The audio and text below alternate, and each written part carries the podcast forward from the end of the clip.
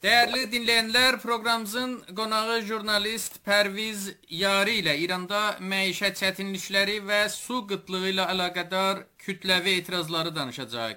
Pərviz bəy 2017-2018 ilindən bəri İranda baş verən kütləvi etirazların haradasa hamısı müxtəlif bölgələrində məişət məsələləri ilə bağlı oldu və ya su qıtlığı ilə Və ən sonda İsfahandakı etirazları gördük. E, İsfahandakı etirazları danışacağıq, amma hər şeydən əvvəl son neçə ildə, son 3-4 ildəki etirazlar haqqında nə düşünürsünüz? Bunların mahiyyəti biraz bir-birinə yaxınmı?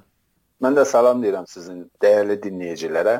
Buyurduğunuz kimi İranda e, 2017-dən etibarən e, yaşanan etirazlar və protestolar mahiyyəti və əsası yoxsulluq və bu məsələ və çevrə məsələləri ilə ilgili, ilgili olub və pahalılıqla ilgilidir.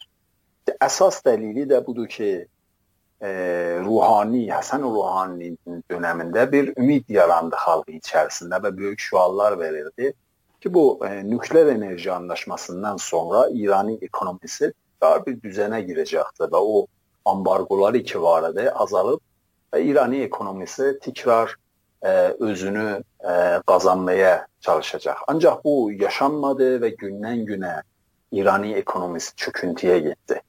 Bu 2017-dən etibarən və Məşəddən başlayan, Məşəd şəhərindən başlayan etirazlar və tüm ə, e, məmləkətə yayılan etirazlar da əsası yoxsulluq və pahalılıq üzərinə oldu. 2017'den itibaren her yıl ortalama en azından bir kere İran'ın geniş bir e, büyük şehirlerinde en azından itirazlar yaşanıptı. 2019'da da aynı e, etirazlar yaşandı ki büyük tepki de verdi devlet ve bazı rakamlar bize diyor, diyor ki 1500'e kadar insan öldü bu protestolarda. Benzinin kıymetinin bahalaşmasına karşı etirazları deyirsiniz. Bəli, 2019-da benzinə bahalaş e, benzinin bahalaşması ilə başlayan protestolar əsasında yoxsulluq və pahalılıq üzərinə bir protesto idi. Çox qısa zamanda tüm ölkəyə yayıldı və özəlliklə ərəb bölgələrində, yəni İranın güneyində ə, e, yaşayan ərəblərdə çox böyük həm təpkilər oldu, dövlət tərəfindən də baskılar və direkt insanları öldürməklə bu protestonu bastırdılar. Pərviz bəy, İsfahandakı etirazlara gələk. İsfahanda çayın quruması əsas etirazlara yol açan məsələ idi. Zayəndə Rud. E, nədir oradakı etirazları kimlər təşkil etdi? Tələbləri nədir? İsfahanda yaşanan o protesto, son yaşanan protestolar əsasında illərdən bəridir. Yəni orada əkincilər illərdir ki, etiraz edirlər. İsfahan İranın tam ortasında bulunan bir eyalətdir və e, ölkənin ən az yağış alan eyalətlərindən biridir. Ancaq e, keçmişdən bəri az çox orada əkincilik vardı və su kıtlığından da bu əkincilər itirazları vardı və haqlarını istirdilər sudan Zayandiru çayından. E, ancak bu yıllardır kurumuş ve devlet tarafından da çekilen e, yani başka bölgelerden getirilen su varlığı artık İsfahan'da yetmiyor. Son dönemde yaşanan itirazlar daha bir geniş protesto oldu. Neden de buydu ki e, İsfahan halkı da gelip bu ekincilere katıldılar, onlara destek verdiler ve en azından on, bin, on binlerce e, halk bu protestolara e, katıldı. Ancaq bir məsələni gözə almalıyıq. Yəni altını çizərək deməliyəm bu məsələni ki, əsasən bu problemin yaşanmasında dövlətin sorunları və yönetim və müdiriyyət sorunu vardır. Dəlili də budur. Əsasında İsfahan çox ə, e, az yağış alan bir əyalətdir. Və bu əyalətdə İranın ən çox e, sənayesi e, yerləşən bir yerə çevrilmişdir. Bu sənayilər suya ehtiyacı vardır, eyni zamanda da quraqlığı olan və quru bir e, bölgə olan İsfahanda düyü dahil əkincilik yapılır. Mən birkaç rəqəm söyləyəcəm sizə ki, bu anlaşılsın ki, devlet siyasəti bu protestolara nədən olur. Yəni yanlış siyasətlər və yanlış yatırımlar quraq, yəni, quru olan bir bölgədə bu qədər sənayenin var, varlığı sonucu e, xalqa zərərinə toxunur. Birkaç rakam vereceğim. İsfahan İran'ın ən böyük istil, e, enerji istehlakını, e, enerji tükətən e, bölgəsidir. Polad və mineral ölmələrinin ən çox e, yerləşən yeridir. Sənayesi bu əyalətdə yerləşir. E, sənaye ruxsatı almada birincidir İranda. Ağır sənaye quruluşlarında ikincidir. Kənd təsərrüfatında o qədər quru bölgə olmasına rağmen, az yağış almasına rağmen e, 6-cıdır İranda. Və əsasında İranın %10 sənayesi bu bölgədə yerləşir. Yəni siz düşünün, devlətin bu qədər sərmayəsini gətirib bir quru bir bölgədə az yağış alan bölgədə yerləşdirilməsinin nəticəsi də çayların qurumasına nədən olur, yeraltı sularının tükənməsinə nədən olur və onlar idi ki, əkinçilər idi ki, illər boyu idi orada əkincilik e, yapırdılar. İndi başarmırlar, su tapmırlar ki, səxlərini alsınlar və əkincilik yapsınlar. Dediyiniz sənaye də suya çox ehtiyac olan sənaye su da o yaxındakı vilayətlərdən gətirilirdi. Çarmal, Bəxtiyarı, Luristan, Xuzistan kimi vilayətlərdən su gətirilirdi İsfahana. Düzdür. Əlbəttə bu yanlış siyasət və yanlış yatırımlar və gələcəyi görməyən siyasət Cumhuriyet İslami zamanından başlanmayıbdı. Dediyiniz kimi o sənayelər, məsələn, Pulad sənayesi ki, İsfahan ən çox puladı İranda ürətən vilayətdir. Pəhləvi zamanından təqribən bir 50 il bundan əvvəldən başlayıb o yatırımlar və get-gedə də bu, bu sənayeləri böyütdülər və eyni zamanda bu sənaye üçün su ehtiyacları olduğu üçün də Xuzistan, Çağarmağal, Bəxtiyarədən su gətirdilər. Bunun nəticəsində İranın ən böyük çaylarından olan Karun, Bez və s. kurma yoluna getdi.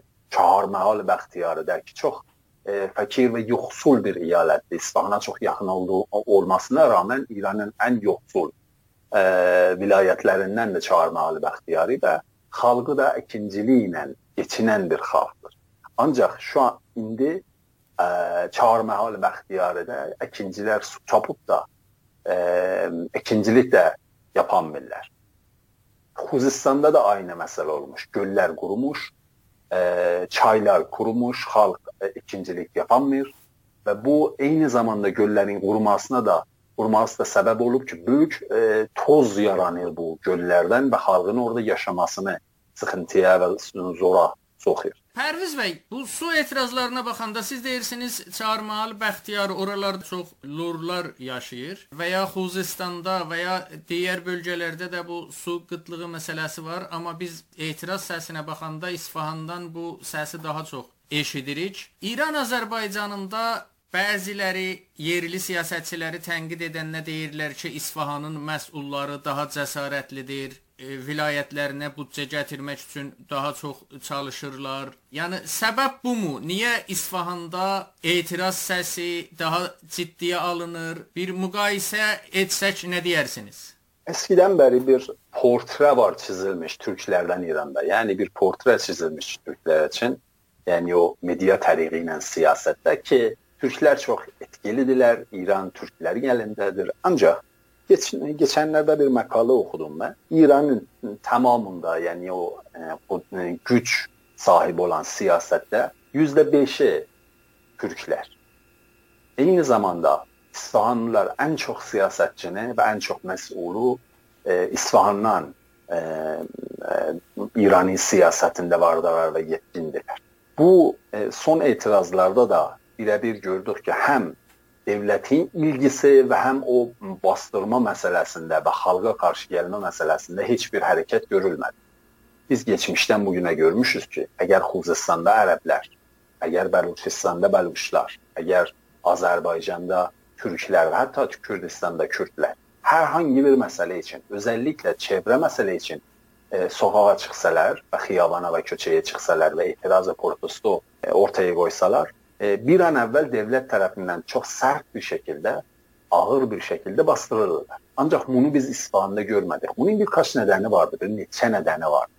Biri ki, İsfahanlılar çox etkindirlər siyasətdə İranda və təbiətən e, həm o etirazların səsini eşidirlər və həm də e, qoli əmniyyəti e, nirular içərisində və güclər içərisində e, icazə vermirlər ki, xalqa çox təpki göstərilsin. Biz geçmişdən bu günə məsələn qiyas edərsək Azərbaycanla ilgili Urmu gölünün qurması ilə ilgili illərdir, bəlkə 15 il, 20 il bundan əvvəldən e, biz dəfalarca görmüşük ki, itirazlar olub, köçə itirazları olub, özəlliklə e, şəmsi tarihi ilə 1390-da e, yaşanan itirazlarda e, ən azından 7 şəhərdə e, aynı zamanda yaşandı. İtirazlar və protestolar biri Urmiyə, Təbriz, Ərdəbil, Zəncan və hamısı sahaya gəldilər və dövlət tərəfindən çox sərt bastırıldı. Və bilirik ki, bir çox e, insan və bir çox öğrenci və bir çox əkinci həbsə getdilər, şəllaq idilər və bir çoxunun hətta hənuz e, məhkəmələrdə gedib gəlirlər vəsiqələri ki qoymuşdular dövlətlər ə, e, çıxsınlar ə, e, həbsxanadan və zindandan onları dövlət tərəfindən bunlara təslim edilmir, yəni geri verilmir və bir çox sıxıntını yaşayırlar. Bu dəlili sırf İsfahanlıların güclü olması və ya daha çox çalışmaları deyil. Bunların İranın əsas siyasəti keçmişdən bu günə, yəni 100 sənə, yəni geçmiş 100 sənə içərisində e, santralizm üzerine kurulmuştur. Fars milliyetçiliği üzerine kurulmuştur ve her zaman İran'ın kenarlarında görülen itirazlarda bunlara bir tehdit gözüyle bakmış her zaman da devlet tarafından çok sert bastırılmıştır. Az önce verdiğim rakamlar da gösterir ki İsfahan'ın e, tabii servetlere çok fakir bir e, bölge olmasına rağmen, eyalet olmasına rağmen ancaq e, kənarlardan və Azərbaycandan gələn minerallar, e, Xuzistandan gələn petrollar, Çarməhal və Xiyari və Luristandan gələn su ilə İsfahanda böyük sənayələr qurulmuş və böyük sərvətlər yaratılmış. Bu əsasən İranın o e, təməl siyasətini ortaya qoyur.